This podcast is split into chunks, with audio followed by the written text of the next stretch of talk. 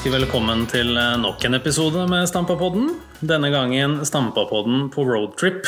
Det er første gang. Det er første gang. Veldig hyggelig å være på tur. Alt kan jo ikke skje i fagre Lilje heller. Så det, Nei, er, det er eh, det er helt greit å ta turen litt sydover. Ja, Det skjer ting andre steder. Sist gang vi var ute og kjørte sammen, det tenkte jeg på i bilen. Det var, eh, vi var på en cupfinale for mange herrens år siden. Da fikk du fartsbot på vei tilbake, husker du det? Ja, men, men jeg, ja, det er helt riktig. Men, Du skjerpa deg veldig etter det. nei, jeg har funnet en knapp som heter cruisekontroll. Det er fryktelig praktisk. Bedre enn tunge ja, sko. utover det så mener jeg selvfølgelig at uh, UP er veldig opptatt av oss som kjører tyske biler. Uh, jeg er helt sikker på at jeg blir stansa oftere enn uh, en Toyota. Ja. Og det er Ja. pga. av bilmerket, ikke pga. Ja, kjørestil, selvfølgelig. Nei, selvfølgelig. Nei da. Men sånn er det. Vi har altså tatt turen til uh, Jessheim. Ja. Eh, jeg har ikke vært på ESM annet enn til når jeg skal fly. Men eh, skal vi bare kjøre i gang? Vi kjører.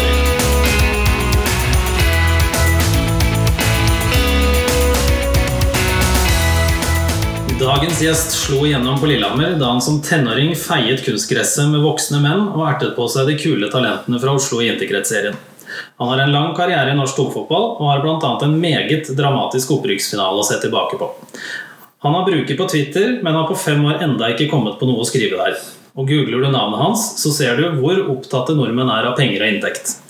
Han er med i en egen serie på TV2 Sumo, har danset litt i Skal vi danse, bygger hytte og er i ferd med å utvikle knall grønne fingre. Velkommen, Morten Maskina Sundli. Tusen, tusen takk for det. En glede å være med. Det er kanskje vi som eh, han er verdt. Det er jo det du egentlig er. Ja. Så hyggelig. Hvordan er livet til eh, Morten Sundli om dagen? Nei, nå så smiler det. Nå er etter en eh, ja, egentlig ganske kjedelig sesong for min del. Hvor jeg først, liksom, første året hvor jeg kjente litt på at eh, det begynner å nærme seg slutten, Ja. så fikk jeg en skikkelig opptur eh, ikke for så lenge siden med en, eh, en seier som eh, historisk eh, sådan mot Lillestrøm eh, hjemme. Så det, ja, det smakte skikkelig, så akkurat nå så har jeg det veldig bra. Ja. jeg fikk noen tekstmelding av Lars Erik, altså faren din. Var, eh, Nei, han ingenting. Ingenting. Og jeg måtte jo, ja, han er det ingen hemmelighet, han er fra Lillestrøm, og jeg har jo vært Lillestrøm-supporter eh, så lenge jeg kan huske. Og eh, ingen som ringte meg, ingen som sendte meg melding, ingenting. Så jeg måtte jeg ringte, Nei, jeg ringte, jeg ringte pappa, og jeg måtte sende melding til farfaren min, da, som begge to er fra Lillestrøm. Så det er eh, For Lars Erik har jo spilt her sjøl, har han ikke? Jo, absolutt. Og da Kanskje han er sur, da? Nei, jeg vet ikke. Kanskje han vet, Det er sikkert med noe annet. da det, De driver og pusser opp, så kanskje de var opptatt. Ja, de er jo forholdsvis aktive, da. Ja, absolutt. Vil jeg tro. Ja, men du, det er bra. Vi, vi gjør jo som vanlig, alt jeg på å si. Går gjennom um, karrieren din, eller oppveksten din, først og fremst. da For du var jo født og oppvokst i Røyslemoen, eller? Nei, Årsettingene? Hva ja. Og har gått dine barneår på grus Da var det grusbad til alle dere unge som vokser opp eh, med Roterud nå. Det var ikke bare kunstgress før. Det var knallhard grus og is. Med pinker. ordentlige pigger. Det vet ikke om du får kjøpt nå. Om du får kjøpt sko med pigger på. De har det ikke på. G-sport, i hvert fall. Nei, jeg tror faktisk det har gått ut. Ja, det var en nødvendighet for at det skulle Ja, ja. gå an, for ellers så sklei man jo bare rundt. Jeg husker faktisk at jeg kjøpte sånne spesialskruknotter. Så jeg tok en sånn skruknattsko skruknottsko fra Adidas, og så tok jeg skruknottene og kjørte inn sånne pigger. Det var jo drapsvåpen, egentlig. Ja, det var skummelt, men da var det jo på is og snø fra før av, så det var ganske skummelt sånn uansett. Så det er, Men du ble jo takla gjennom leggeskinner og sånn. Altså, ja, ja, herregud. Du måtte ha andre typer leggskinn da enn det man har nå. Nå har man små tøybiter som man putter nedi. Og nesten var i avdelingen for hockeyutstyr. Han fikk et litt annet eh, touch òg, tror jeg, av å trene på, eh, på de, under de forholdene enn det folk er vant med nå. Ja. Ja, Det ble ikke like mye teknikktrening på vinteren. Men hvordan var det å spille fotball eh, oppe i Roterud i barndommen? Nei, det var egentlig helt fantastisk. Vi, jeg husker vi hadde Øyvind Stubberud som ja. trener, og eh, når jeg tenker tilbake på det, så hadde vi egentlig ganske mange rare øvelser. Jeg vet ikke om det var forholdene som gjorde det, eller om det var uh, ferdighetene, men uh, jeg koste meg veldig på den banen. Og det, var, uh, det er noe jeg mimrer tilbake til, at jeg fortsatt er Den generasjonen som har opplevd grusbaner og isbaner. Ja, sikkert en av de siste. Kanskje. Ja, ikke langt unna, i hvert fall. Nei.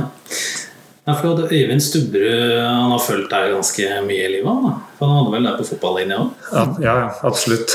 Så eh, ja, det er en, en type trener, det også. Det er en type Og person. Og person. Og person. Men uh, hvordan uh, hva, hva, Er det noen høydepunkter fra oppveksten? Uh, var liksom, hvordan var, var du god? Litt, I de første åra når jeg spilte, så husker jeg at alltid i, sånn i friminuttene så var det jeg mot resten. Ja. Når jeg eh, gikk på skole rett ved siden av den banen vi snakker om nå. Ja. Men så ble jeg jo tatt igjen, det var jo fordi jeg var mye større. Men så når jeg ble tatt igjen da, så hadde jeg ikke det ferdighetsnivået inne. Kanskje litt pga. grusen og snøen, jeg vet ikke. Og så eh, egentlig så var jeg, jeg var en av de gode sånn eh, i ja, yngre og liksom på junior, men jeg var aldri den beste. Mm. Så at jeg, ja, at jeg kommer dit jeg er her nå, det vet jeg ikke helt hvorfor. Men Var det noe sånn drive altså, i forhold til at du hadde et sånn indre drive, indre motivasjon, ønske om å bli skikkelig god, eller? Egentlig ikke. Jeg husker bare at uh, uansett hvor jeg har vært, så har jeg på en måte vært omringa av andre som også spilte fotball. Og det på en måte har vært motivasjonen hele veien. Kanskje ikke at jeg så for meg at jeg skulle spille i Eliteserien eller på Lillestrøm eller eh, for Manchester United. Det er Sånn har jeg aldri tenkt. Det var mer det at det bare ja, Fotballen var en så stor del av livet mitt da, at eh, ja, man måtte jo bli bedre når man har spilt så mye. Men hvor mye har liksom Hans Christian, storebroren din, eh, drev dere hverandre på noen sånn måte? han er jo den sikkert i antall timer, kanskje helt fram til nå også, som jeg har spilt mest sammen med. Bare vi Så- to oppe på fotballbanen. Vi spilte liksom, vi kunne spille fem, seks, sju timer nesten hver eneste dag. Vi bodde jo bare ti meter unna en, en grusbane. Så vi, hvis vi var et sted, så husker jeg ikke om vi spilte fotball hele tida når vi var der, men vi hang hvert for det var stedet vi hang. da. Ja. Og da husker jeg I starten så hadde vi ikke mål heller. Det var jo faren min som måtte kjøpe inn til den banen. Så da bygde vi opp tårn med steiner som stenger på hver side. Og det var jo helt kurant. så det var ikke noe, Vi tenkte ikke på det. Det var ikke nett bak, så da var det jo bare ballen gikk jo helt ned til naboene og inn i hagen til folk og alt mulig rart. Så det var eh, Nei, han har hatt eh, mye å si ja, de første åra, og det er eh, ja, utallige timer eh, sammen med han. Og spilte mye mål til mål. Ja? Som jeg, jeg har ikke hørt om noen som har spilt det før. Skyte fra 20 meter liksom, eller 25 meter bare fram og tilbake. Ja. Det var Ja. Var det, Det var å tider. score da? Eller? Det var, ja, jeg tror det i hvert fall. Det var om å liksom, Noen ganger så var det om å ikke bli treffig også. For det var liksom bare Hvis ballen trilla fram, så kunne du stå på liksom ti meter også og bare måke til. Så, og han har jo alltid vært bedre, så da har jeg har alltid bare jaga etter han. Ja. ja, for han er Nå må jeg tenke To år. to år eldre. Ja. Så dere har jo vært ganske nærme i alder eh, sånn utviklingsmessig i forhold til kropp og modning og alt òg. Ja, og Vi spilte jo mye sammen pga. at jeg spilte jo ofte med Eller når jeg ble bedre, så spilte jeg ofte sammen med kompisene hans. Ja. Istedenfor Eller det var bare et fåtall av mine kompiser som på en måte jeg spilte med da. Så når Ja, han var i. A-laget Jeg husker ikke om vi var på A-laget sammen. Jeg er litt usikker, faktisk, for jeg tror ikke han var der så lenge. Nei. Ja, det tør faktisk ikke jeg si heller. Nei. Eh, Nei, jeg prøver å tenke tilbake på det året du var på A-laget, men du var med til Norway Cup. Ja, Om Hans Christian fortsatt spilte da, det husker jeg ikke. Det tror jeg ikke, Nei. faktisk. Men den derre 88-årgangen til um, Hans Christian, Ja. det var jo en det er jo en av de bedre årgangene som har vært på Lillehammer. Altså de, de var jo med og drev det der fram det her integrertslaget. Og det var jo mange. Det var liksom ikke bare et par som var gode. Det var nesten et helt lag. Ja, det var det. Mm. Og som, eh, som virka som de var liksom De passa så bra inn i ulike posisjoner. òg. Du hadde jo ikke bare forsvarsspiller eller bare angrepsspiller eller flere av den ene. Du hadde en høyrebekk, du hadde en midtstopper, du hadde en Crawber bak der, du hadde Mats Engen på midten. Du hadde liksom Lønna på topp, og så hadde liksom eh, alle de da. Og det veit jeg ikke om det er fordi den på en måte forma seg litt sånn Mm. at ja, Nei, vi har en stopper, da må du være back, liksom. At det begynte sånn i det yngre. Ja. Det er vel det første kullet på fotballinja nå, når det nå er i sving. Ja. Ja, det stemmer det. Ja, det. Og det var jo Det ble jo krydra litt da med flere fra din årgang, med Jo Eivind og Thomas og sånn Ja. etter hvert.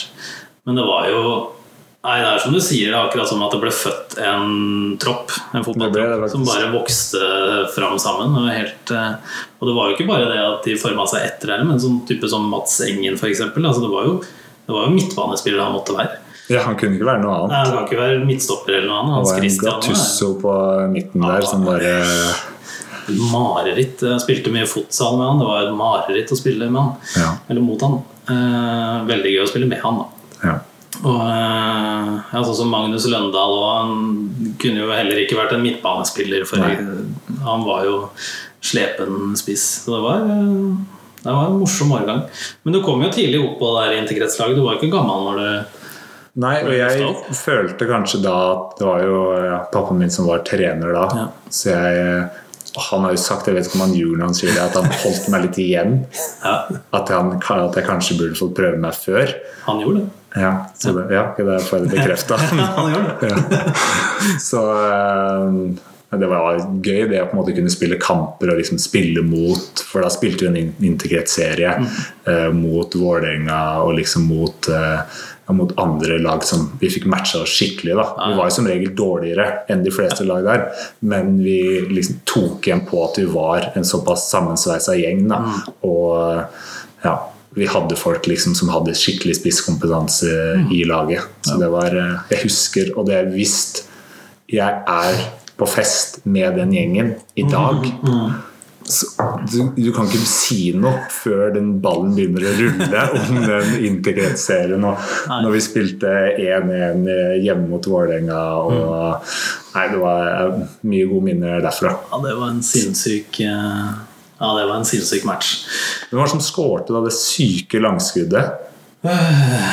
Husker du det? Sånn Ja, 40 husker meter. Det blir sikkert lenger og lenger, da, men Ja, eh, Det er 50 det 50 i andre. Ja, ja, ja, men nei, hvem var det, da? hva heter, har han ikke hva heter Han bor på Lillehammer ennå, gjør han ikke det? Han eh, Herregud. Nå står det helt stille. Nei, jeg kommer ikke på det. Ja. Uansett, det var i hvert fall eh, var- Da spilte jo Joshua King Ja, ja. og eh, han eh, Carlsen, som er kaptein på Mm. Ålesund. Så jeg husker det.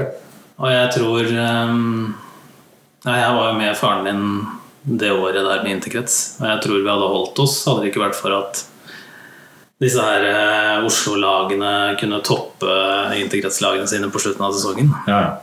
For det var jo noen helt sånne sinnssyke resultater ikke bare toppe, men også Altså, de stilte så ulike lag, da. Ja. Plutselig så var det noen lag i bunnen som møtte Vålerenga og Skeid på veldig gunstige tidspunkter. Og jeg husker Brumunddal plutselig banka Vålerenga eller et eller annet. Det var liksom helt sånn Ja, Mens vi hadde slitt oss til 1-1 på Stampa og var egentlig dritfornøyd med det, for det var en kjempematch. Så, ja, det var mer rom for sånn før Ja. i fotballen. At det gikk an å trikse og mikse litt. Mm. eh, Ja, var det. Men det var, nei, det var sinnssykt år. Men du var jo ikke lenge på Lillehammer før du flytta. Ja. Hvor gammel var du når du flytta til eh, Skien. Skien? Jeg tror jeg var 18 eller 19. Jeg, Ja. jeg tror jeg var 18, og så fylte jeg 19 på en måte det året der. At jeg reiste mm, ja, under oppkjøringa. Mm. Og det er jo en, en veldig sånn rar historie, egentlig. For det var jo mammaen min som kjente en som kjente Fagermo. Oh. Så hun spurte da om eh, han kunne spørre Fagermo Ja. om eh, jeg kunne komme ned dit og få prøvespill. Oi. Og så kommer mamma og sier det til meg og konfrontere meg med det. 'Jeg 'Har lyst til å reise på prøvespill?' Liksom. Jeg bare 'Ja, ok, ja, hva mener du?' Og bare 'Nei, jeg har fiksa det. Hvis du vil, så kan du liksom reise ned, da'. Oi. Og da reiste vi, husker jeg, jeg husker ikke om noen av brødrene mine om det var i jeg, mamma og pappa som reiste ned, tok inn på et hotell og liksom full pakke og skulle være der to eller tre treninger. Og da hadde jeg seriøst, kanskje helt til den dagen i dag, de beste treningene jeg har hatt i hele mitt liv. Så. Første treninga, kortbanespill med liksom eh, ja, vet ikke om det liksom Morten Fevang, Torjus Hansen liksom, Det var så mange gode Ålreite spillere. spillere. Ja, Ja. spillere og jeg bare herja. Skort, På kortbanen skåret sikkert fem-seks mål. Og var liksom helt sånn bare Var egentlig litt sjokkert sjøl også, at jeg liksom greide å prestere. Og så hadde vi en treningskamp dagen etterpå. Bare sånn internkamp. Og da eh, spilte jeg mot eh, Jeg husker ikke hvem jeg spilte mot på innerløperen der, men jeg husker i hvert fall at det var eh, at jeg hadde Tommy Svindal Larsen i dypet bak meg. Så han greide liksom å tre meg opp, og jeg kom til masse sjanser. Og i skårte ikke noe mål, men følte at jeg spilte bra. Ja. Og så ble jeg tatt ut i pausen, og så kom liksom Fagermo bort til meg mens jeg er på sida av høyre ut. Og så sier han til meg har du lyst på en eh, treårskontrakt eh, Ja, i, i Odd? Og, og det jeg svarer da, det var jo siste året på eh, videregående, det var at eh, jeg skal tenke på det. var det jeg svarte. Det er herlig. Og da. Og det mente jeg også. For da følte jeg hadde jeg litt sånn Da hadde jeg ikke det fokuset i hodet at det liksom At det var proff jeg skulle bli. Så da gleda jeg meg egentlig litt til avslutninga på videregående og russetid og liksom full pakke. Men så, når jeg fikk summa meg litt eh, på kvelden der, så eh, ja, ble det en rask telefon til Fagermo før han ombestemte seg. Ja. Men når var det du Var det der du switcha og tenkte ok, da får jeg bli fotballspiller? da? Ja, egentlig. Da, for da følte jeg at da hadde liksom Da fikk jeg bekrefta noe som jeg kanskje egentlig ikke hadde tenkt så mye over. Ja. Og da, da var jeg i et system som gjorde det liksom enklere for meg å, å bli bedre og ta steg og Ja. liksom i en treningshverdag og alt mulig rart. da. Så ja, det var nok det var der det starta sånn virkelig. I hvert fall oppi hodet mitt. ja. Men tror du eh, Fordi mange av oss andre har i hvert fall eh, tenkt at du var For du har jo en del sånne forutsetninger. F.eks. fysikken, eh, steget, eh, spilleforståelse som gjorde at du burde prøve deg på et høyere nivå enn første, nei, du ikke, Men det slo ikke deg sjøl. Egentlig ikke. Jeg tenkte ikke så mye på Jeg tenkte ikke så mye lenger. Nei. Så det var egentlig aldri en sånn tanke om at jeg, at jeg ville reise på prøvespill sjøl, f.eks. Det tenkte jeg aldri. Så det kom egentlig som en, et lite sjokk når mora mi ordna det er litt det. sånn tilbake igjen til at det er veldig ofte forbløffende ofte tilfeldigheter. da. Ja. Eh, Vi har jo etter hvert snakket med noen nå. Det er egentlig forbløffende hvor ofte tilfeldigheter er med og spiller. Ja. Spiller. Ja, men sånn, sånn vil det jo på en måte være. Det er jo ganske få heldig utvalgte som får spille i de to øverste divisjonene i Norge. Det er jo Og hvis man skal bli oppdaga på Lillehammer, så er det sånn ja. jeg vet ikke, Det var i hvert fall litt mer sånn før, og det kunne man se på interkretslaget og, og videre også, at de som ble valgt ut, det var ofte at de kikka ikke så mye lenger enn Hamar. Nei. Innover liksom i dalen. Det Nei, nei, nei. de ikke. Nei, Dalen var jo utilgjengelig. Ja. Ja. Nei, det er, det er spennende, spennende, da. Men hvordan var tida i Odd, da? Jeg tror det, det var egentlig ganske tøft i starten å komme inn i et sånt miljø hvor egentlig det var så mye som var satt. Mm. Og fra hvordan jeg var vant med tidlig, trygge rammer. Og fikk egentlig litt sånn smaken på hvordan det var. Jeg var ikke forberedt på det Nei. sånn mentalt, så jeg tror ikke jeg takla det på den måten som jeg egentlig eh, ja, i etterkant tenker at jeg burde gjort. da, Med å trene liksom mye mer og være mye mer fokusert. Jeg tror jeg ble tatt litt sånn på senga over den nivåforskjellen det var. da. Ja. Og da var det ikke sånn at De tar jo hensyn til unge spillere, men eh, du må greie mye sjøl også. Ja. Og mer før enn det det er nå. Ja. Bratt lærekurve. Hæ? Bratt lærekurve. Ja, det var fryktelig bratt lærekurve, og det ble jo tatt hensyn, og vi hadde jo utviklingstrener og alt sånn, men eh, ja, det måtte jo ordne et sted og ordne et sted å bo selv. Det var jo mamma og pappa som gjorde det, ordna et sted å bo og liksom alt mulig rart. Det var ikke mye som var lagt til rette for at Annet enn på trening, liksom. Og sånn. Ja. Jeg prøvde I starten så husker jeg at jeg prøvde å stå igjen noen økter liksom, og komme før. og alt sånn. Ja. Det fikk jeg ikke lov til. For da, da mente i hvert fall han fysen som vi hadde da, at da kunne jeg bli skada. Og jeg er jo litt skrudd sammen sånn at hvis jeg får en beskjed, Ja. så bare følger jeg den som slavisk. At jeg har Sånn som i min karriere så har jeg ikke hatt evnen kanskje nok til å kunne gjøre det som jeg bare tenker er riktig selv. Da. Så det Ja. Det er lett å være etterpåklok. Ja, men eh, det er forskjell på å være 30 og 19 nå, på en måte. Ja da, absolutt. Men uh, hvor ble det mange kamper for Odd, eller? Jeg tror jeg starta ikke en eneste kamp. Jeg var, spilte en god del eh, sånn, treningskamper og cupkamper og alt mulig rart sånn. Men jeg tror jeg bare hadde ti innhopp Ja. i den uh, ja, over de ja, to åra. Ja. Så tapte ikke en eneste av de, da. Det er jo Ja. eh, track record. Ja, så hadde Hadde du da en forventning om å spille mer når du først får en kontrakt, eller uh, I starten så tenkte jeg at, jeg, at nå er jeg bare for å utvikle meg, og det her er perfekte forhold for det.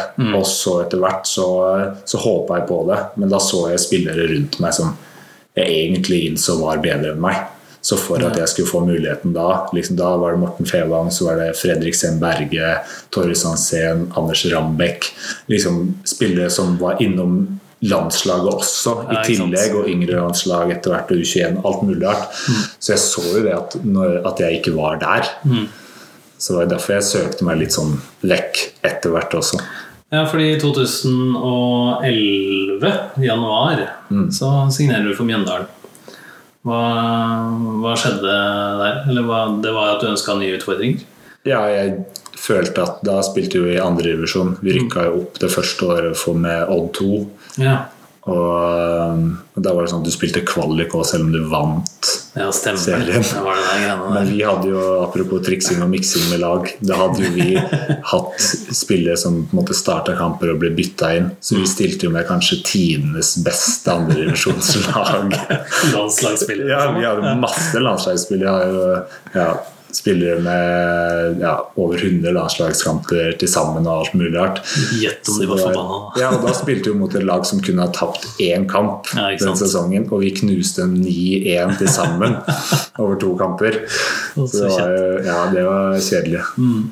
Altså, jeg følte at da hadde jeg på en måte Jeg var bedre enn andredivisjon, da.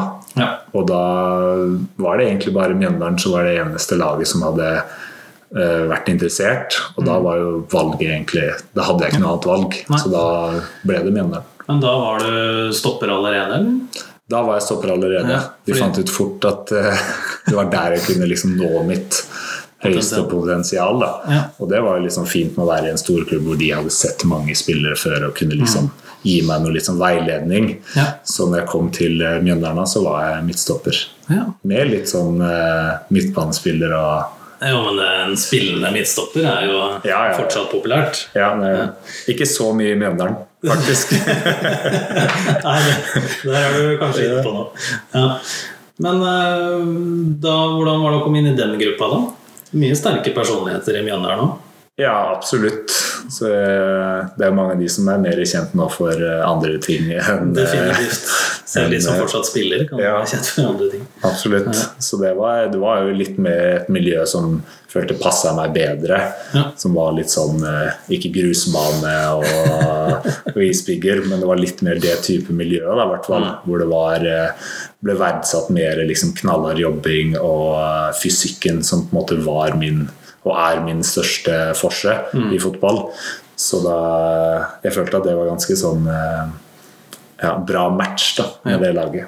Gikk du rett inn? Da gikk jeg rett inn. Ja. Og egentlig spilte egentlig alt i alle åra jeg var der. Ja. Jeg bare, én kamp som jeg ikke har starta, av alle de utenom karantener og skader og sånn. Og det var- til eh, Det var mot Ullkisa, faktisk. det var det. Ja, Ja, ok. her, eh, ja, er sånn. Mm. Så da, det var den eneste kampen. Og da fikk jeg beskjed om at jeg ble spart. ja, ikke sant. Men det, jeg tror ikke at jeg ble spart, faktisk. Så Vegard Hansen løy. ja, det tror jeg faktisk. Han gjorde det. Nei, vi ringer Vegard i bilen hjemme her. Ja, det er for? Alt for å holde Alle fornøyd, Ja, ja. det er noe med det, er noe med det altså. Ja. Jeg er ikke noe fan av det, men Nei. eh, det er noen som ikke tør å si det rett ut. Det er det òg. Og så er det noen som ikke tåler å høre det Ja. rett ut. Men der mistolka jo han i tilfellet der. Det gjorde det. Men uh, Mjøndalen ble jo et lite eventyr. Eller? Jo, absolutt. Fra liksom jeg kom dit og vi kjempa egentlig til nest siste kamp om bergeplassen til å komme enda lenger midt opp på tabellen, få kvalik, kvalik, og så måtte vinne kvaliken eh, siste året der, som var eh, ja, egentlig ganske absurd. Ja. Fra vi sikrer den viktige tredjeplassen som gjorde at vi fikk eh, to hjemmekamper. Eh, hvor vi slo Bryne 5-0 borte. Vi skåret tre mål etter sånn et kvarter.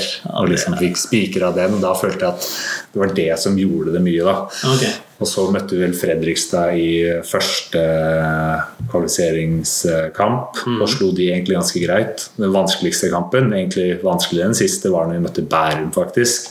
Som var jo litt Ja. sånn sensasjonslag som hadde ja, hadde liksom overprestert kanskje enda mer enn det vi gjorde. Og de leder jo helt til slutt Ja. av kampen. Og så bestemmer jeg meg for å gå ut og ta en kort corner. Noe som jeg aldri har gjort i hele mitt liv. Ikke før, ikke siden. Gå ut og ta en kort corner, og så ender det at de slår et innlegg. Ja. Og den går i stanga og i ryggen til eh, en Bærum-spiller, husker ikke hvem, jeg, og inn i mål 2-2. Og etter det så var de ferdig. Ja. For da hadde de vunnet den kampen og var klar for eh, kvalik mot eliteserie. Ja. Tilfeldigheter. Just. Ja, så er det, ja. ja, så er det jo, det er jo de der er flyt, flytsonen, da. ja, det er jo det. Absolutt. Det skjer forbausende ofte sånne ting når man er i den dytten. Men da ble det altså Det var Brann dere møtte i kvalik. Ja. Det var to kamper, var det det? Ja, borte først. Spille 1-1 der borte. Egentlig ja, helt fortjent. Selvfølgelig var det mer en sånn oppladning til den eh, siste kampen. Og jeg følte at de eh, ja, De hadde en trener som på en måte hele sesongen hadde blitt eh, ja, Som har vært litt i søkelyset, og Ja, spillere si. og som har blitt spørsmålstegn til. Og så har de, får de egentlig ganske god keeper som Ja. blir skada før den kampen, den viktige kampen borte mot oss. Ja. Så det var jo han som er keeper nå i Jerv, som, er keeper, eh, som var keeper for de i den kampen. Og han hadde jo en marerittkamp. ja, Så si. vi hadde på en måte alt med oss, da. Så det var eh, Ja. Jeg tror faktisk dagen etterpå så Bergens Tidende trykte bare altså en forside som var svart, hvor det bare sto 'god natt'. Det, Ja. Kan det stemme? Ja, det er stemmer. En legendarisk forside faktisk i Medie-Norge. ja. Ulf Holberg på Lilla Villene teipa faktisk det opp på det. Gjør det? ja, da var det Det var eh, det var Texas, og da var det flyet eh, to dager etterpå rett til Berlin. Det var På alle eh, sammen. guttatur, ja. Så det var eh, kvart for ja. Ja, vi trenger ikke å si noe mer enn det, for å si det sånn. Nei, jeg, tror på det. Men eh, ja, hvor mye endte den kampen? Vi vant vel 3-0 eh, 3-0. hjemme. Ja. Det er jo utklassing, da. Det var det absolutt, og det følte vi var ikke i nærheten av å tape den kampen. Nei. Vi hadde, vi hadde en syk selvtillit, og de var på en måte egentlig litt sånn ja, nedbrutt før kampen begynte. Og de skulle komme til Mjøndalen, og de hadde måtte visste åssen type spillestil vi hadde. da Så det ja. Det hjalp ikke å presse oss høyt og krige på vår side, for vi slo bare ballen eh, over til dem. Det er jo det er den ultimate den Askeladden-historien. Ja, absolutt. Så det gjorde jo at de også lagde en TV-serie Ja. om den. Og det er jo forresten de sa, har møtt de folka igjen, for det er jo eh, et eh, sånn selskap som heter Salto, Ja. som lagde den. Og som også har lagd den serien om oss nå Ai, ja. tidligere. Så når de kom og filma her de første gangene, så var det sånn Halla! Lenge sia! Så det var, det var moro. Så artig. Ja. Ja, For du hadde én sesong i Tippeligaen med Mjøndalen, var det det? ja. Ja. Rykka jo rett ned. Rykka rett ned. Ja. Hadde en eh, TV-serie der, for vi har fått inn et sånn lytterspørsmål om akkurat det. Fordi i en av de første episodene der så står Så er det kapteinsvalg. ja. Og da er det vel Solberg, er det det? Ja, Som Joakim, blir- ja. Joakim som blir kaptein. Og du ser ganske skuffa ut. Eller du var jo sikkert veldig skuffa. Han var jo min beste kompis på Ja. laget. Såpass, ja. Og vi bodde jo sammen og alt. Å, ja. Så det var brutalt.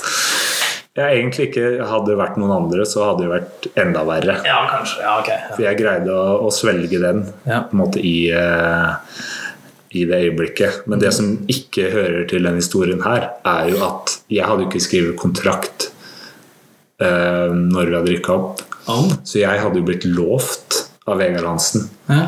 Og jeg husker vi sto ute på banen, og han kom til meg etter en trening hvor jeg drev med noe egentrening ved siden av og, at- og prata om kontrakt og liksom pusha på og bla, bla, Ja. Og da sa jeg liksom Ja, du kan bli kaptein hvis Nei! hvis du skriver under. Og det er det ingen som på en måte, Det gjorde jo på en måte Ok, ble jeg valgt bort på en måte, hvis det er et uh, reelt liksom sånn, og det er han eller meg? Men det var jo ikke det som var caset.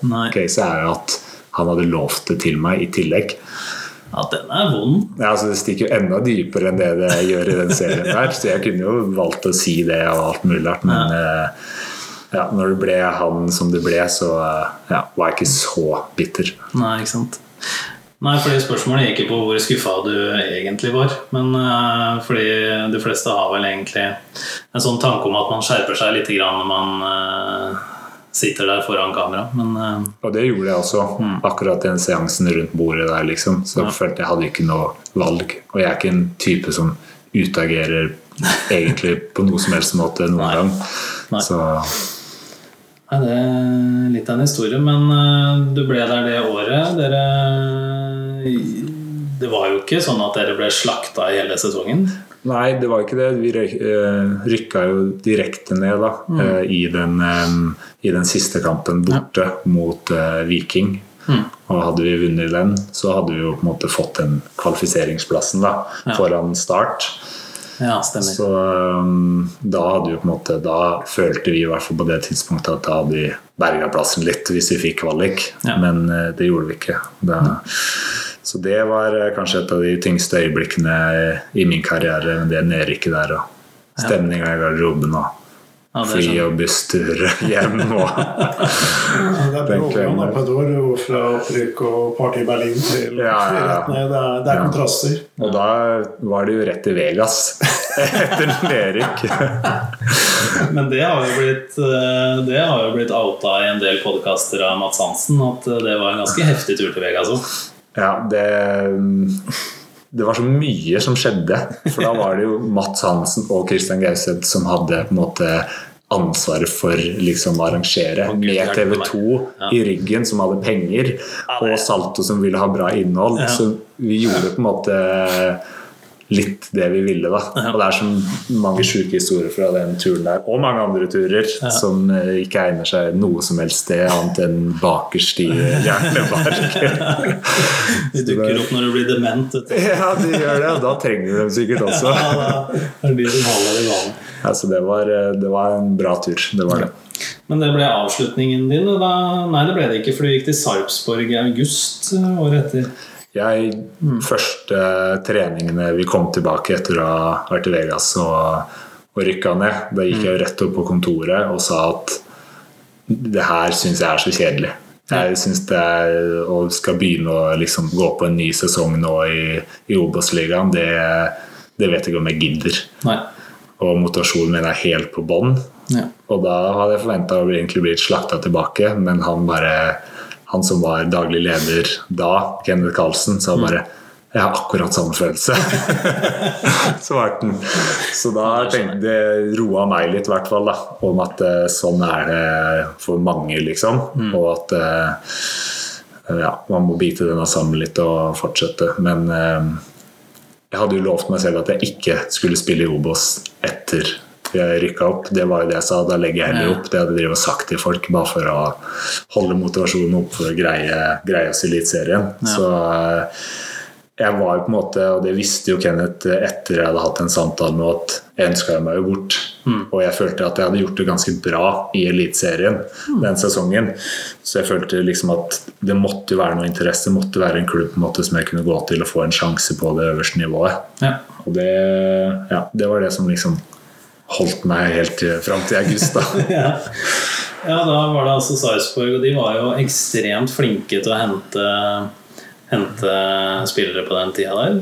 Ja, de det- henta jo alt. Ja. liksom Og solgte alt. Ja, og solgte alt. Så det var, jeg følte det var sånn dårlig timing Mm. når jeg kom dit. Da, da skulle liksom Sarpsborg liksom ut i Europa og krig og alt sånn. Så jeg følte at da igjen, litt sånn som i eh, Odd, Ja. at da var jeg på en måte Jeg var god og sikkert god nok til å spille Eliteserien, men ikke på det laget. Nei. Så da, da var det jo spillere som ble solgt i ja, hytt og pine, som du sier, og vi hadde jo en eh, Hva han heter da? Han som gikk til Genk, eller hva han er, eh, Roste. Ja. Ja, og flere andre også som på en måte ble veldig gode den sesongen. da Så da ble jeg jo litt sånn i skyggen. Og det var en helt fair liksom, kamp i den preseason Okay. Uh, mot gode lag. Og jeg følte ikke at jeg gjorde meg bort i det hele tatt. Nei. Men når alt kom til alt, så ble jeg kalt inn på kontoret av eh, Geir Bakke og bare Sorry, men du er liksom Du er fjerdevalget som stopper. Ja.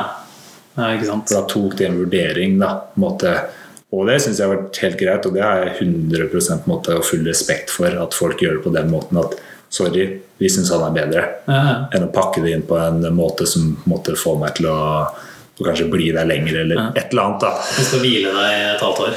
ja, det er det. ja Det går ikke an å si. Så det er, eh, altså, jeg har full respekt for det, og det var på en måte sånn, et skikkelig slag i trynet. Ja. Men uh, ja, så igjen, da. Det er jo litt sånn fotballen er. Det er jo masse skuffelser og og i sånn for min, I min karriere så har det ikke vært så mange oppturer, sånn sett, men eh, jeg elsker å drive med det uansett. Ja. Så det er det som har på en måte båret meg gjennom uansett. Da. Men hva gjør det med motivasjonen å komme fra at du får dårlig motivasjon av å spille i Mjøndalen, og så kommer du til Sarpsborg, og så tar det noen måneder, og så får du den beskjeden? Hva... det jeg følte, Om jeg skal være helt ærlig, så følte jeg at det var litt sånn starten på slutten liksom, av de stegene jeg hadde tatt oppover. da Ja, sånn, ja. At i min karriere nå så var det litt sånn Jeg hadde lyst til å spille fotball. Jeg hadde ikke lyst til å på en måte Jeg var ikke der at uh, i min karriere at jeg nå skal liksom trene hardt hver eneste dag og ta det nye steg og liksom jage hele tida i en ny klubb. alt sånn. Nå hadde jeg liksom Nå syntes jeg det var greit å liksom finne klubb. Nå skal jeg spille fotball Ja. på fortsatt et veldig høyt nivå, men eh, at jeg fikk spille hver kamp da, og fortsatt liksom få den gleden ved å spille og ikke sitte på benken og liksom jage. Da Ja. Da var jeg litt ferdig med det, og da ja, da ønska jeg meg vekk igjen. da. ja, Du fikk jo ønsket ditt innfridd da, i juli. Ja, da gikk jeg jo til eh, Øster. En, plutselig svenske? Ja, en lag som heter Veks, nei, i Veksjø, med et lag som Ja, heter Øster. Østers ja. Mm. og det er, det er jo bare var enda en tragisk historie. For da leita jeg jo etter en klubb som egentlig jeg bare kunne skrive et halvt år med, for det var det jeg hadde igjen med Sarpsborg.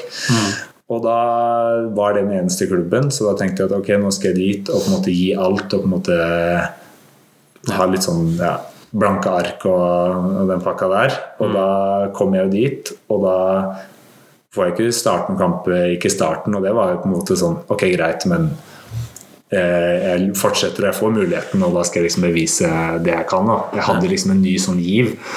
Og så eh, ender det med at eh, jeg og faren min eller faren min kommer ned dit, og vi tar et møte med trener og dagleder leder. liksom bare ja, nå må jeg få muligheten snart. Ja. Og jeg blir lovt å få muligheten. Og sitter på benken i neste kamp. Etter 20 minutter får han ene midtstopperen rødt kort. Okay. Jeg begynner å ta på meg leggskinn og liksom full pakke. og Være yes, nå er det min mulighet. Det er liksom, det her blir bra. Og så bare kaller han til en annen unggutt. Nei. Bare, og jeg liksom står der bare sånn Først så tenker jeg når han begynner å ta på seg leggskinnet samtidig som meg, så hva faen er det du driver med? Hvem er det du tror du er? Ja. Innpå før meg? Ja, og så kaller han til han da, og det jeg ikke har fått med meg da, og som på en måte egentlig var umulig å få med seg, var at det har vært en clinch mellom trener og han som er daglig leder. Og han daglig lederen vil at unge spillere fra unge lokale spillere skal spille, og at vi ikke skal hente noen nye. Men så har han treneren da henta meg og lovt meg å spille, Ja. men så går kontrakten til han treneren ut, så han er pressa til å bruke unge spillere. Så han tok jo sikkert en vurdering da om at jobb, eller skal jeg miste jobben min? Så da var jo det et enkelt valg eh, sånn sett. Men eh, ja, det var enda et slag i trynet for, eh, for min del. Men hvor, hvor bodde du da? Da bodde jeg der. Du bodde der, ja. Ja, Men du hadde møtt Jørgine der? ja det hadde jeg. Eh, Så Så du hadde jo allerede blitt på en måte familiefar? ja, og vi skulle jo gifte oss Ja. og full pakke, liksom. Så det ja, det ble en svipptur til Norge og gifte seg, og så var det rett tilbake til eh, Veksjø. Men hvordan er det som For jeg ser Eller jeg har egentlig alltid sett på deg siden du var yngre som en som er glad i Glad i familie, glad i det livet der, da. Eh, altså Lillebroren din var jo med oss på treninger og turer hele tida. Mora di og Veldig hyggelig familie òg, for øvrig. Men altså det har på en måte hele tiden vært en sånn familie Virker som en veldig sammensveiset familie. Da. Hvordan er det for deg da å flytte til Sverige og så i tillegg få den der drittpakka der? For det er jo det det er. Det var jo en test for meg. Å måtte være der, ikke få spille, ikke være med familien min og eh, ja, og alt, liksom. Og da, Det er kanskje eneste gangen i livet på en måte hvor jeg har funnet fram en sånn kynisme i meg selv. Ja. For da gikk jeg rett på kontoret til han treneren og liksom, og skjelte han ut, så han begynte å gråte. Ikke sånn hulking, men sånn at han fikk en tåre, for han hadde dårlig samvittighet. da, selvfølgelig. Ja. Og så sa jeg til han at jeg kommer til å komme på trening dagen før kamp, og jeg kommer til å reise dagen etter kamp hjem. Og det var en seks timers eh, biltur hjem. Hjem. Så du har rett i det med familie, kjære og hele den pakka der. Og da han bare, han bare liksom nikka og bare ok, greit. For da hadde jeg i avtalen min i kontrakten at jeg hadde gratis lånebil av de. Ah. Så jeg brukte bare den bilen for alt det var verdt det. Ja, så på et eller annet tidspunkt så ringer han daglig lederen meg. Da er jeg faktisk på vei til Ålesund, av alle ting, i den lånebilen. Og så ringer han meg og spør meg hvor er du. Hvor er du? Og jeg bare jeg er på vei til Ålesund. Bare, Hvorfor har du, du har ikke vært på trening eh, og alt sånt bra? Og jeg bare sånn Nei, da får du ta og prate med liksom, treneren da, og så høre liksom, hva som skjer. Så det var eh, Ja. Det var også en eh, tragisk historie som hadde lite med fotball å gjøre, sånn, sånn sett. Det der er jo klokkerein uflaks. Ja, det er uflaks, og eh, så fikk jeg litt smaken på hvordan jeg tror det er utafor landegrensene våre, hvor kyniske folk er, og hvor eh, på måte, du er bare en brikke i et sykt stort bilde, og de, eh, ja, de driter i deg hvis det, de faktisk eh, kan det. Ja, tydeligvis. Men da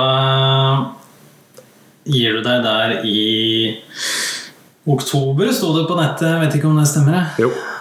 Så er du uten klubb fram til januar. Ja. Vurderte du noen gang å legge opp? ja. Mm. Innimellom slaga der, så når jeg satt i en nitrist leilighet eh, uten TV, ikke PlayStation og ah, ja. Det var liksom Det var helt ribba. Og bare en seng. Det var liksom Det var en ettroms. Glattcelle. Ja, det var ikke langt unna. Så da, da var det sånn at det her gidder jeg ikke mer. Det er, vits, det er ikke det her jeg liksom vil ha ut av det. Men så uh, snakka jeg igjen da, med familie og med kona mi og, og alt sånn. At uh, nå skal jeg i hvert fall finne en klubb som var i nærheten av Oslo. Ja. Og det, det er jo noen, men det er jo ikke så mange. Og eh, jeg var ikke så god at jeg bare kunne valse rett inn på Vålerenga eller i Stabekk eller eh, hva som helst. Og det som er det at før jeg gikk til eh, Øster, så hadde Ullkisa hadde henvendt seg. Så jeg visste at det var på en måte en, en dør som sto litt åpen fortsatt. Ja. Så da, etter jeg hadde liksom prøvd med alle de andre stedene og funnet ut at det var uaktuelt, så var liksom Da var valget ganske enkelt. Ja. Og da kan man si at derfra så begynner en aldri så liten opptur, eller? Ja, Som hvis du tar totalpakka, da. ja, fra jeg på en måte går fra Mjøndalen, hvor jeg har fått spille liksom alt, så er det her liksom første gang jeg er tilbake til å få spille liksom så mye som jeg ønsker. da. Ja, og I tillegg så lar det seg kombinere med resten av livet ditt. på en måte. Ja, da, ja, Innimellom alt det her så blir jo Jørgine gravid også, så da blir jeg på en måte litt mer låst i tillegg. Og da Ja. Da, da sitter vi her. Ja, ikke sant? Hvordan, eh, hvordan har det vært å være på Ullkisa? Nå har du vært her i to år ja. snart. Ja. I januar. tre. 2018, 19, 20 Ja, ja, Ja. det blir jo med i år. Ja, i år, så snart eh, tre er sesonger. 2021. Ja.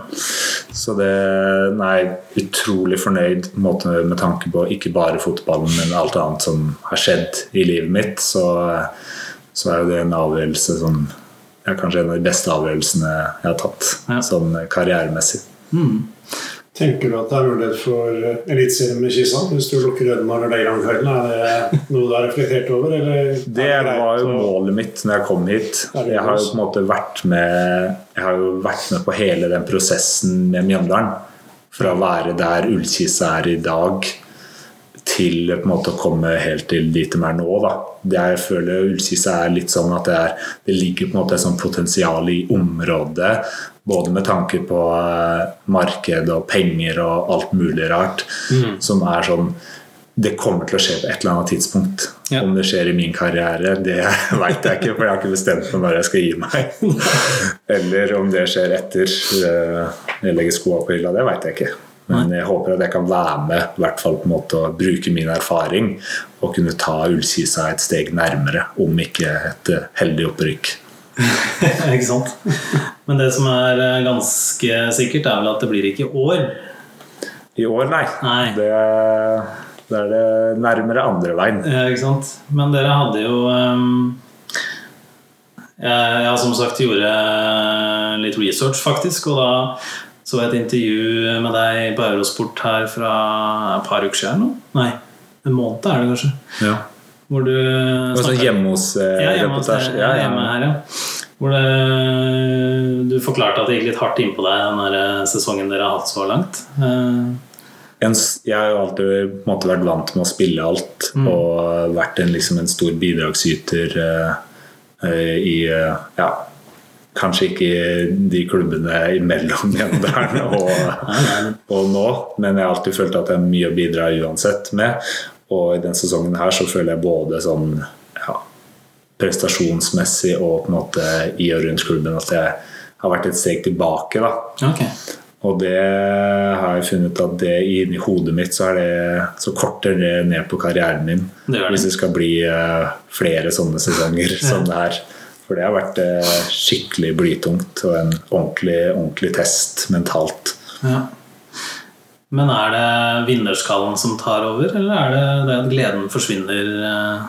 Det er begge deler. Ja. Det ene tar det andre med at når man, eh, man ikke vinner kamper og ikke, ikke presterer på en måte Jeg føler at selv om laget har vært dårlig, så kunne jeg alltid liksom Ja, men jeg har gitt alt. Jeg har liksom Jeg følte at jeg var ganske god allikevel, da. Ja. Og det har vært en sånn liten trøst. Men denne sesongen her så er det kanskje første sesongen hvor jeg har følt på at jeg har vært dårlig ganske ofte.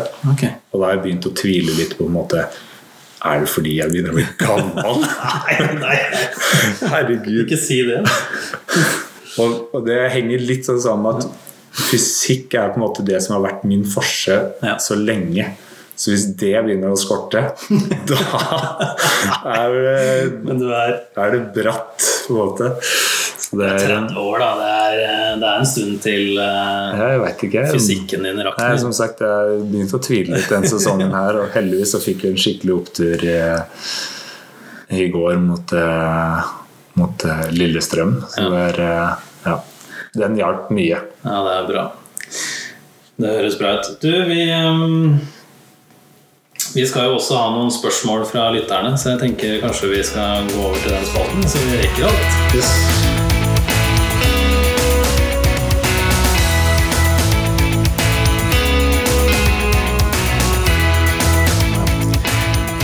Vi eh, skal over på noen spørsmål fra lytterne. Skal vi se om jeg bare ordner iPaden min her. Og da, vet du, kan vi jo ehm, Vi kan begynne med noe som er For det er jo ikke en hemmelighet at det kommer en del spørsmål som ikke er fotballrelatert også. Ja. Men det regner jeg med at du er forberedt på. Dere øker vel antall lyttere som ikke er interessert i fotball? Jeg vil tro ja. Vi har noen engangslyttere i dag, ja, det kan men det er greit. Du, ehm, Lars Thomas Henriksen, han vet vel de fleste som har vært på Lillehammer-kamp, hvem er. Ja. Han eh, står jo fast på tribunen her. Hva er høydepunktet i Lillehammer-drakta? Det er jeg litt nysgjerrig på sjøl kjenner kjenne. Jeg er litt usikker på, egentlig. Men eh, Jeg tror kanskje det er når vi vant Lillehammer Cup Ja, det var gøy. inne der sånn. Det er i hvert fall det første jeg tenker på. Så Da må det vel være det. At, eh, fordi Og det er jo sånn som lillebroren min, han vant til den etter meg og sa til meg at det var eh, de gjorde det enkelt, liksom, og det var ikke noe stress og sånn. Men akkurat der og da så føltes det på en måte ut som eh, en skikkelig sånn bragd av oss. Ja, ja det føltes veldig sånn. Men jeg syns jo det var det òg, for vi møtte jo Jeg synes vi møtte i hvert fall et par-tre lag der som var ordentlig, ordentlig gode. Ja, det gjorde vi. Vi møtte jo Jeg husker ikke om det var, eh, var KFUM Ja. vi møtte. Og så møtte vi vel Kongsvinger mm. også. Som, og Spilte mer eller mindre med fem utespillere. Og ja, sant det. hvis vi Ja, gikk på, så ble vi overspilt hver eneste gang. Så, Ja. ja, nei, det var eh, Nei, det er jeg enig i. Det tror jeg er høydepunktet mitt òg, faktisk. Så den er høyt oppe. Mm. Så har jeg noen kamper sånn som i de interessen hvor det er liksom øyeblikk. Mm. Og liksom enkeltkamper hvor jeg husker veldig godt når jeg liksom en eller annen grunn så spilte jeg Jeg husker ikke hvem vi spilte mot engang, men da spilte jeg hengespiss. Ja. Da var taktikken at de bare skulle slå langt på meg, og jeg skulle stusse gjennom Løndal hver eneste gang. Og jeg vant hver eneste duell. Jeg tror det begynte med et mål jeg, som han skåret når jeg stussa den gjennom, og så rett etterpå så dunker jeg inn 2-0. og Så det er eh, ja, kanskje det er på andreplass, og så Lillehammer Cup på, på første. Høres bra ut. Um, uh, skal vi se Eh, Hva er ditt beste fotballminne sånn generelt sett? da? Du har jo kanskje vært litt inne på det, men Ja, det må jo bli eh, det opprykket mot Brann. ja, Det er fins ikke Ja, det er jo nok det, det største som har skjedd i min karriere. Ja. Jeg ser den. Har du en sånn favorittmotstander gjennom tidene? Ja. Mm, Sånn som jeg har møtt eh, Strømmen. Har jeg alltid Ja. likt å møte. Litt sånn hat-elsk-følelse. At det er sånn Ja, jeg har jo tapt mot dem også, Ja, ja. men i de kampene så har det vært sånn Det har vært deilig å vinne uansett, for det har alltid vært et sånn drittlag. ja, ikke sant? Så det er deilig å slå drittlag. Ja. Når man møter litt bedre lag, så er det sånn Hvis man taper mot eh, om det er HamKam eller Mm. eh, Kongsvinger, så er det lag som har vært noe, men Strømmen er skikkelig drittlag. Ja, jeg ser den. De har sittet på benken eh, mot oss, og det kom jeg på når jeg drev og gravde litt i arkivet. Ja. Satt på benken når vi møtte med Lillehammer, hvor Vebjørn Ja. Svendsen Vi spilte uavgjort. Han skårer på overtid eller sånn, stusser en ball inn i lengste eller et eller annet Ja, sånt. det kan stemme, det. Ja. Mm. For det, tror jeg, det har jeg ikke sett på noe Jeg kan ikke ha sett det på noe TV, eller noe sånt. Nei. For jeg har det bildet oppi hodet, og det må jo være fra benken eller et eller annet Så sånt. Ja, det Strømmen spilte mot, men da var det FF Lillehammer Ja. eh, i andre divisjon. Da var iallfall ett år gammel i samme avdeling. Så det begynte kanskje der. Ja, ikke sant? Nei, men Man utvikler jo noen sånne hat eh, Ja. Og det gjør man jo gjerne internt når man er liten òg. Ja, ja. sånn, jeg husker Sørholdlaget vi hadde. Vi hata Ekrom. Ja. Det var var en gjeng med idioter. Og jeg kjenner jo mange av de i dag. De er jo ikke det. Men vi, det bare, de kampene der betydde alt. Ja. Nå er det Kongsvinger Ja, på vår del. ja. Og vi har folk på laget som på en måte har inngått eh, økonomiske avtaler med, med eh, folk på Kongsvinger. Så de har jo gode penger, da. Selv om vi har gjort det dårlig, så har eneste trøsten, eller ikke den eneste, men en stor trøst denne sesongen her, har vært at de har gjort det enda dårligere. ja. Det er viktig å ha noen sånne motivasjonsgreier. Men du eh, Max Repov eh, har et spørsmål og egentlig Nytt igjen, jeg i Kisa? Hvor mye tjener Kisa? Nei, det er ikke det. Det, kommer, det er flere som har meldt inn det. Det kommer vi ikke til å spørre om.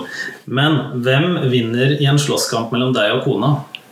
Det er så, Jeg vet ikke hva folk tenker seg. Jeg føler at folk har et sånt bilde av kona mi.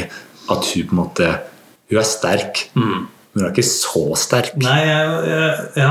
Det er sånn Jeg kan ta hun i blinde på knærne med én hånd. Det er ikke noe sånn, Hun er ikke i nærheten. Nei. Og så tenker jeg tenker de da kanskje at hun kan bli sintere enn det du kan bli? Hun kan ikke Da må Men da må hun finne noe umenneskelig styrke oppi det. Ja, nei, det ja. Men jeg har hørt den ofte, så jeg er ikke overraska over det spørsmålet. Da er spørsmålet hva hadde Jørgine sagt? Hun hadde sikkert kommet på et morsomt svar bare for å liksom fade det ut, så det egentlig ikke var noe svar. Litt sånn politiker som Ja, er absolutt. trent i det. Uh, vi lar det være med det, da. Uh, men Fredrik Sveen lurer på hvor mye du tar i benkpress. Trener du benkpress? Eh, Vi har en benk ute i garasjen her, Ja. så vi har alt utstyret. Men jeg har maksa 140 Ja. på det meste. Og det, har jeg, og det har jeg skriftlig, fordi når eh, Det var da jeg var i Odd, faktisk. At da, eh, da ble alt loggført. Ja. Så hvis jeg vil, så kan jeg ringe han som var fysio da, og forhåpentligvis så har han det på et Excel-ark et eller annet sted. Hvis noen skulle tvile på det.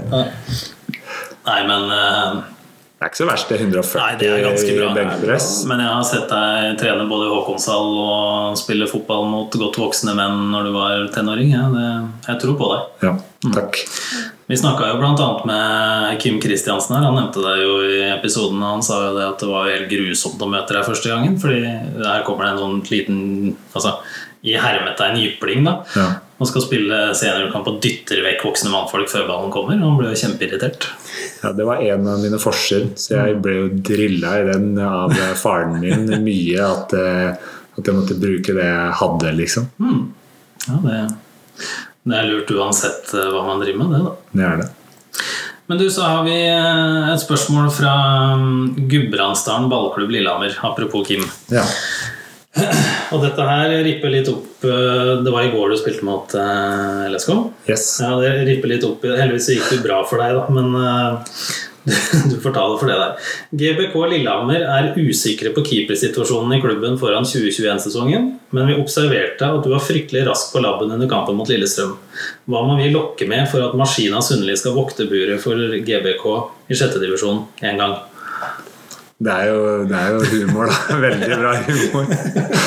Men nå har jeg Jeg har aldri blitt spamma så mye av memes i hele mitt liv. At jeg er oppe og slår en volleyball, og det står en rekke Lillestrøm-spillere og blokker den ballen, og basket og Nei, ja, så det, og altså, unger som sender meg meldinger på Instagram og bare 'Gjorde du med vilje? Du må svare meg'. Ja, okay. Så ja, du kan svare nå. jeg i den situasjonen, og det sa jeg til de på laget nesten som en sånn forsvarstale når jeg kom inn i garderoben dagen etter, om at eh, Sånn jeg oppfattet situasjonen, og sånn jeg så den i etterkant på bildene, så fikk jeg helt sjokk. Ja. For jeg skjønner ikke hva jeg drev med, og gjør ikke det ennå. Hva jeg, for han tar hands først, og det viser ikke bildene. Nei, nei. Fordi det er på en måte skjult. Så han tar en hands først. Så om jeg roper på hands Men jeg kan ikke gjøre det, for jeg slår framover. Så det, nei, det er et mysterium som ikke ja, hovedpersonen greier å løse selv engang. Nei. Nei, ja, det er vel greit at det er ubesvart, men uh, Og det gikk bra. Det gikk veldig Ja, det gikk veldig bra.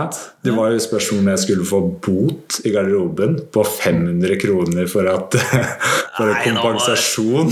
Ko- Kompensere for hva da? Ja, det var det jeg også sa. Det var ingenting. Det gikk jo helt bra. Vi vant kampen og alt mulig. Ikke noe straffe, ikke noe kort, ingenting. Nei, de 500 kroner kunne kanskje gått til dommeren, da. Ja, Eller linjedommeren som sto på den sida. Ja, ja, det er helt utrolig. så. Og så ingenting, selvfølgelig. Så han er Men tenk deg hvis det hadde blitt dømt straffe, og så står du der og tenker bare 'herre fred, dette her hva, det, Det hadde vært ingenting». flaut. Og så går du og ser TV-bildet etterpå og bare Shit.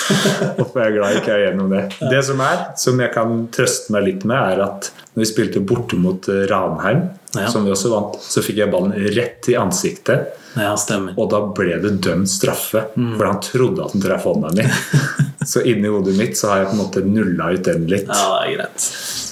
Og dessuten, dere har hatt eh, Dere har jo hatt litt marginer imot i år òg, så det gjør vel ikke Ja, at Ja, og Lillestrøm rykker opp uh, uansett, og Ja. det var uh, for at vi skulle holde plassen. Ja, det var greit å ta dem. Ja.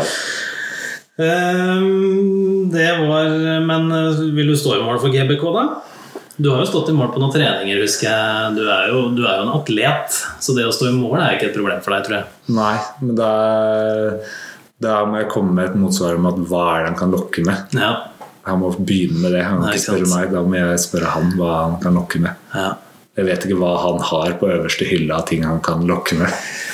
Nei, det er det bare Kim som kan svare på, men det er ikke mye, altså. Nei, vi forventer et svar. Ja. Ja, Det må komme et svar. Vi får komme, vi kan legge ut svaret til Kim på Instagram når det dukker opp. Eh, Det må jo være Et par keeperhansker. ja, det, For det har jeg ikke. Det har jeg ikke. Ja. ja, det, er jo, det er jo minimum, da. Ja. Nei, jeg så for meg noen flasker rødvin eller noe. Men, ja. Det er kanskje stjerne i da tegneseriereferat fra hjemmekampene til GBK. ja, Oi, oi, oi. Har du det også? Ja. Men når det da på en måte stadig vekk er på TV2, så er jo Ja, nei, kanskje nei. Jeg vet ikke. Nei. Nei. Nei, det blir nedtur. Vi får se. Men øhm, da kan vi jo gå inn på Johan Ringen. Lurer på, Johan Ringen på Instagram lurer på hva er det beste og verste med å være kjendis? Definerer du deg selv som kjendis? Litt. Ja. Litt sånn følge. Blir du Følge til en kjendis. Entourage. Ja. Jeg er liksom, det er ikke jeg som skal være der, men jeg er der allikevel. Det beste pff,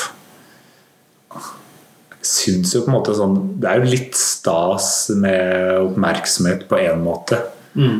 Og i hvert fall sånn som når, eh, i forhold til barn, at jeg Ja. kan se at eh, Og det, føles, det er så enkelt for meg på en måte å kunne glede de med et eller annet. Om det er Mm. et bilde eller eh, om det er at jeg hilser på de og, og hele den biten der. Så det syns jeg er skikkelig stas. Ja. Og det kjedelige må vel være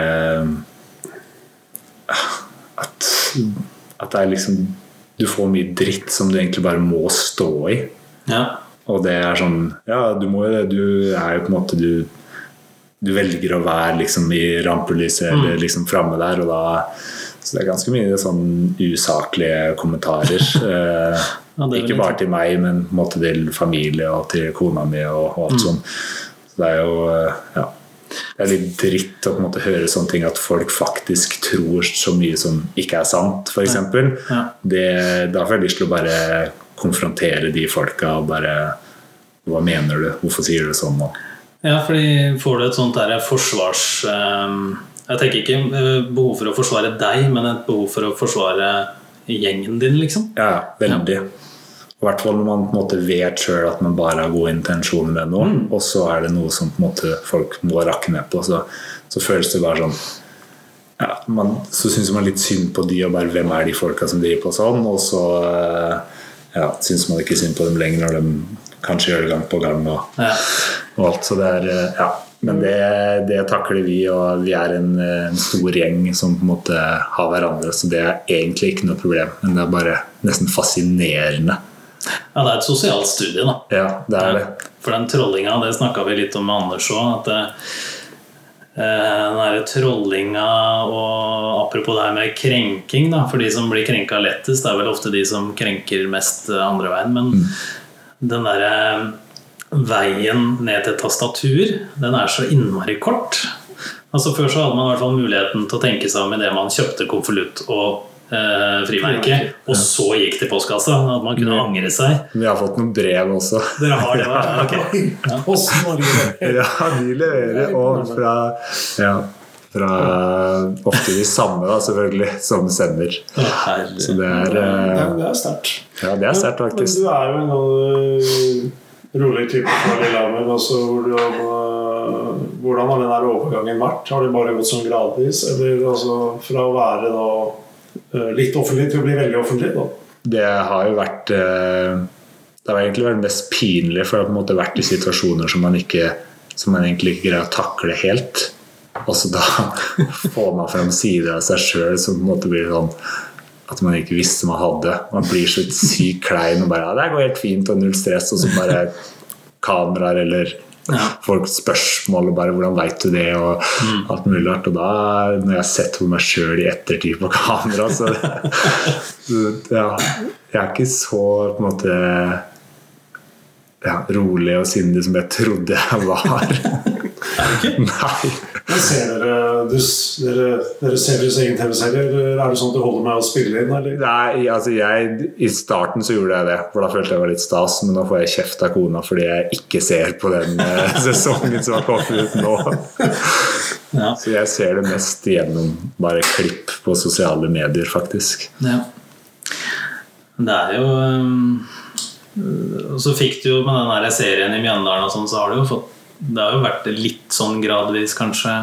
Ja da, Det er bare at jeg er ikke, jeg er ikke så komfortabel eller, med å på en måte få et kamera opp i ansiktet. Jeg greier ikke helt å være meg sjøl når jeg ser meg selv på TV.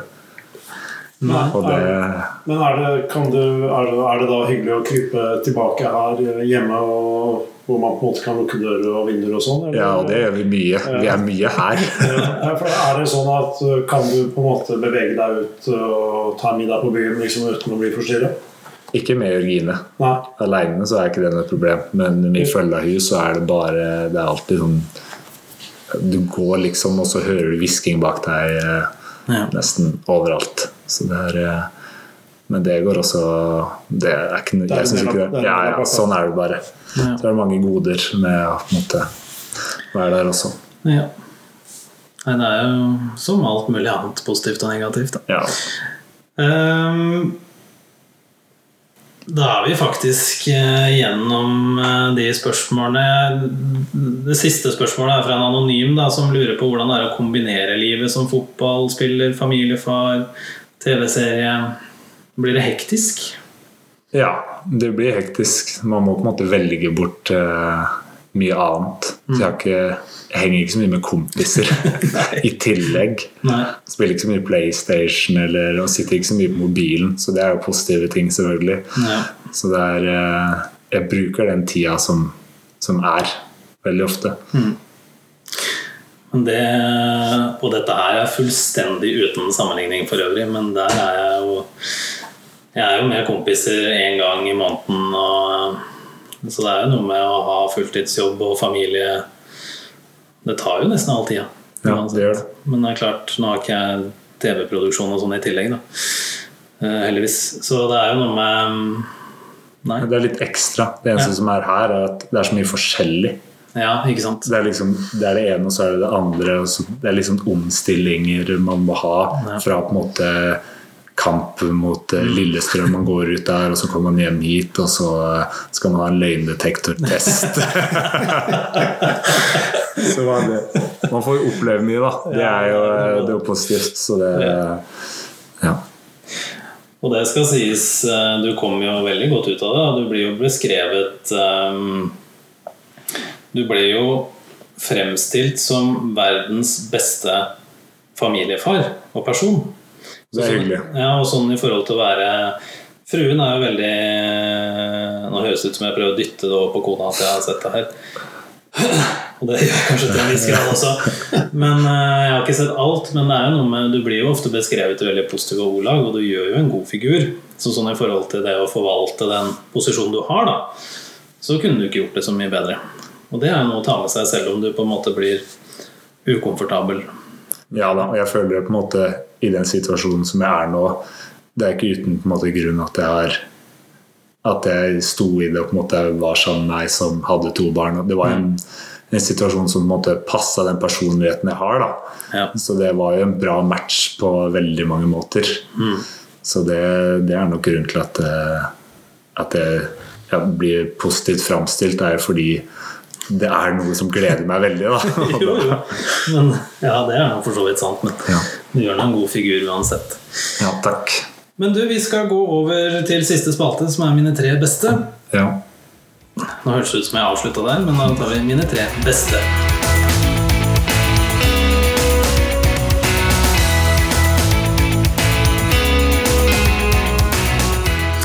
Da skal vi over på eh, mine tre Eller det er jo du som definerer hva de tre er. da Er det beste eller verste eller største idioten eller Det jeg har valgt å gjøre, er at det, at det er tre spillere som jeg har spilt mot, som har imponert meg Ja. på ulike måter.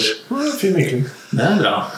Og det er er nødvendigvis ikke de beste spillerne. De er nok topp fem allikevel. Men eh, på tredjeplass så er det Niklas Bentner. Oi. Når han var eh, i Rosenborg, så var ikke han på sitt beste. Ah, Men han er jo en spiller som på en måte for min del, som var United-supporter, som, Mm. som jeg, jeg visste hvem han var, liksom. Hadde sett ham spille før og, og alt mulig rart. Så eh, på det øyeblikket når jeg kommer inn mot i Rosenborg, Mm. og det første som skjer, er at de dunker ei kule over eh, midtstopperen vår, den andre. Ja. Og så eh, tar han bare ett touch tilbake, og egentlig ganske ufarlig fra sånn 25 meter, og så bare måker han rett i krysset. og, det var, og så feirer han ikke etterpå, selvfølgelig, og er helt eh, Balotelli. Og da er det sånn at ja, Jeg skjønte liksom ikke helt hva han gjorde der, da. Hvis du har det inne, og så skal du gå til Rosenborg. Og så, ja, det var bare et sånn øyeblikk for meg at jeg tenkte sånn ja, det, Wow. ja, det var litt sånn åh, det er litt sånn starstruck, egentlig. Ja, det er jo det. Hva skjedde der? Ja, men det, det oppsummerer jo livet til Niklas Bentner ganske greit. Hva skjedde her? Ja. Det er noe med det. Ja. Og nummer to er eh, Martin Ødegaard. Som jeg spilte mot, og som jeg trente ganske mye med. Fordi faren hans var assistenttrener Ja, i uh, Mjøndalen. Så, eh, og da var det ikke i kamp, men på trening når han var med oss som 14-15-åring, så var det sånn han var, så, han var heller ikke sånn at han var sånn kjempegod hele tida. Men jeg husker et øyeblikk hvor han spilte vegg med stolpen på andre sida av keeperen. Nei. At han slo den på en måte på innsida av stolpen, Okay. og så tok han den på andre sida, og så la han i mål. Om det så ut som det var med vilje, om det var med vilje eller ikke. Jeg følte i hvert fall sånn som han utviklet seg når han gikk til Real Madrid, så har jeg tenkt i ettertid det var sikkert med vilje Ja, at han gjorde det. Og hvis vi spør han, så var det i hvert fall med Ja, det tror jeg også. Så eh, nei, det var fascinerende å følge han når, vi, eh, når han var med oss og trente, og når han sto igjen med faren sin han to timer etter hver eneste trening og gjorde sånne merkelige øvelser som aldri har sett noen gjøre før. Som tydeligvis funker. Som tydeligvis funker det. Ja. Nei, det er jo en eh, eventyrhistorie som så vidt har begynt, det der, da. Ja, det har vært litt gøy. Det er litt sånn, jeg syns det er litt kult å kunne si at jeg har trent med han og Ja, i jeg. starten der og på en måte jeg, jeg følte jeg har en liten sånn pekepinn på en måte hva som skal til for å bli så god, da. Hmm. Ikke at jeg gjorde noe som han gjorde, men det var bare på et annet nivå i forhold til sånn egentrening, stå igjen, komme tidlig og alt sånt som var bare sånn fascinerende Ja. å se på. Og tenk eh, hvordan han herja i Eliteserien. Eh, altså, det det, er var- helt ja. sinnssykt å se. Og da var han sånn Det var så naturlig for han også. Mm. Og det var det på trening, og det touchet han hadde, på en måte som var sånn Den grunnteknikken, den var bare han, han kunne tenke på andre ting når han tok imot en ball. så kanskje løfte hodet litt Ja, og kikke seg rundt og sånne ting. Må ikke forsikre seg om at ballen ligger der, liksom. Nei. Mm. Så det Ja, andreplass. Ja, nå er jeg spent på førsteplassen, for det, når Martin Ødegaard er på andre, da Ja, det er også en tidligere Arsenal-spiller eh, som jeg eh, husker da jeg er United-supporter. Ja, Og fornuftig eh, jeg at jeg digga han spilleren her fordi han var så god på det han var god på. Og det var å skjerme ballen. Han ble spilt opp feilvendt hele tida og fikk i mellomrom. Og gikk jo også etter hvert til Barcelona fra Arsenal. Ja. Nå står det helt stille i hånden mitt. Eh, Yes, dette er bare flaut. Jeg har holdt på som fotball, og jeg er helt uh, forbi innbytterbenken. Er også- Har du spilt mot den personen? Jeg spilte mot han når han gikk til Russland etter han var på utlandet i Westham. Oi. Um, Arsenal-spiller som gikk til Barcelona Nei, nå er det helt uh... Alexander Song. Oi, ja. Ja. Og han, husker, han hadde en sånn fascinasjon med Og da var det noe ekstra å møte han med Sarpsborg. Ja, det skjønner jeg. Og liksom på midten der. Og det, han, og det som var så rart, men han varma ikke opp. Hæ? Så han var ikke ute på oppvarminga. Mens når han kom ut da i måte den, eh, ikke spilltunnelen, men når vi skulle gå ut i banen, så hadde han dratt opp shortsen helt opp på begge sider. Og hele låra og nedover legga bare glinsa. Så han har sikkert bare blitt massert. Massert til oppvarminga. Så det var jo Og det var ikke det at han var så sykt god i den Nei. kampen. liksom Skulle spille mot Sarpsborg i en treningskamp og en halvdårlig gressmatte. liksom. Men han også hadde sånne ting inni seg med liksom touchpasning som du bare så da, for de som på en måte har skikkelig peiling på fotball, at du kan egentlig gjøre hva du vil, men du velger å være Ja. der du er nå. Ja, ikke sant? Du velger å være han som ikke varmer opp, på en måte. Ja. Det var ja, Det var fascinerende. det var wow. For min del, i hvert fall. tatt litt på senga, faktisk. Det er ikke bra. Ikke bra. Ja, ja, men jeg, jeg kan si nå, etter at jeg fikk vite hvem det var, da, at jeg husker ikke at han spilte på Arsenal. Jeg. Gjorde du ikke det? Nei, jeg, jeg Det var husker- der jeg husker han eh, først så jeg ble på en måte ikke overrasket når han gikk til eh. Gikk til Barcelona. Jeg tenkte at det var Ja, han er så god. Da får jeg skylde på at jeg heier på Bayern nå, så jeg følte ikke engelsk fotball. Nei, det er greit. Nei, da er vi ute å kjøre her. Ja, det er godt vi lager en podkast om folk fra Innlandet, da. Ja. Det er bra. Nei, men det er bra. Du Morten, tusen hjertelig takk for eh, at vi fikk komme på besøk. Veldig, veldig hyggelig. Og at du ville stille opp. Det setter vi stor pris på. Og så får vi håpe at vi aldri finner ut hvem som vinner av dere to i en slåsskamp. Og så høres vi om ikke så lenge. Neste gjest er Er det Einar Gelius, eller? Kan hende. Det kan hende. Han er rapportert. Han er rapportert inn. Han så, så tidligere Vålerenga-presten som gravla Lyn i sin tid. Det blir et interessant eh, møte, det også. Definitivt. Masse spennende mennesker på tur. Da, ok, da høres vi seinere. Ha det.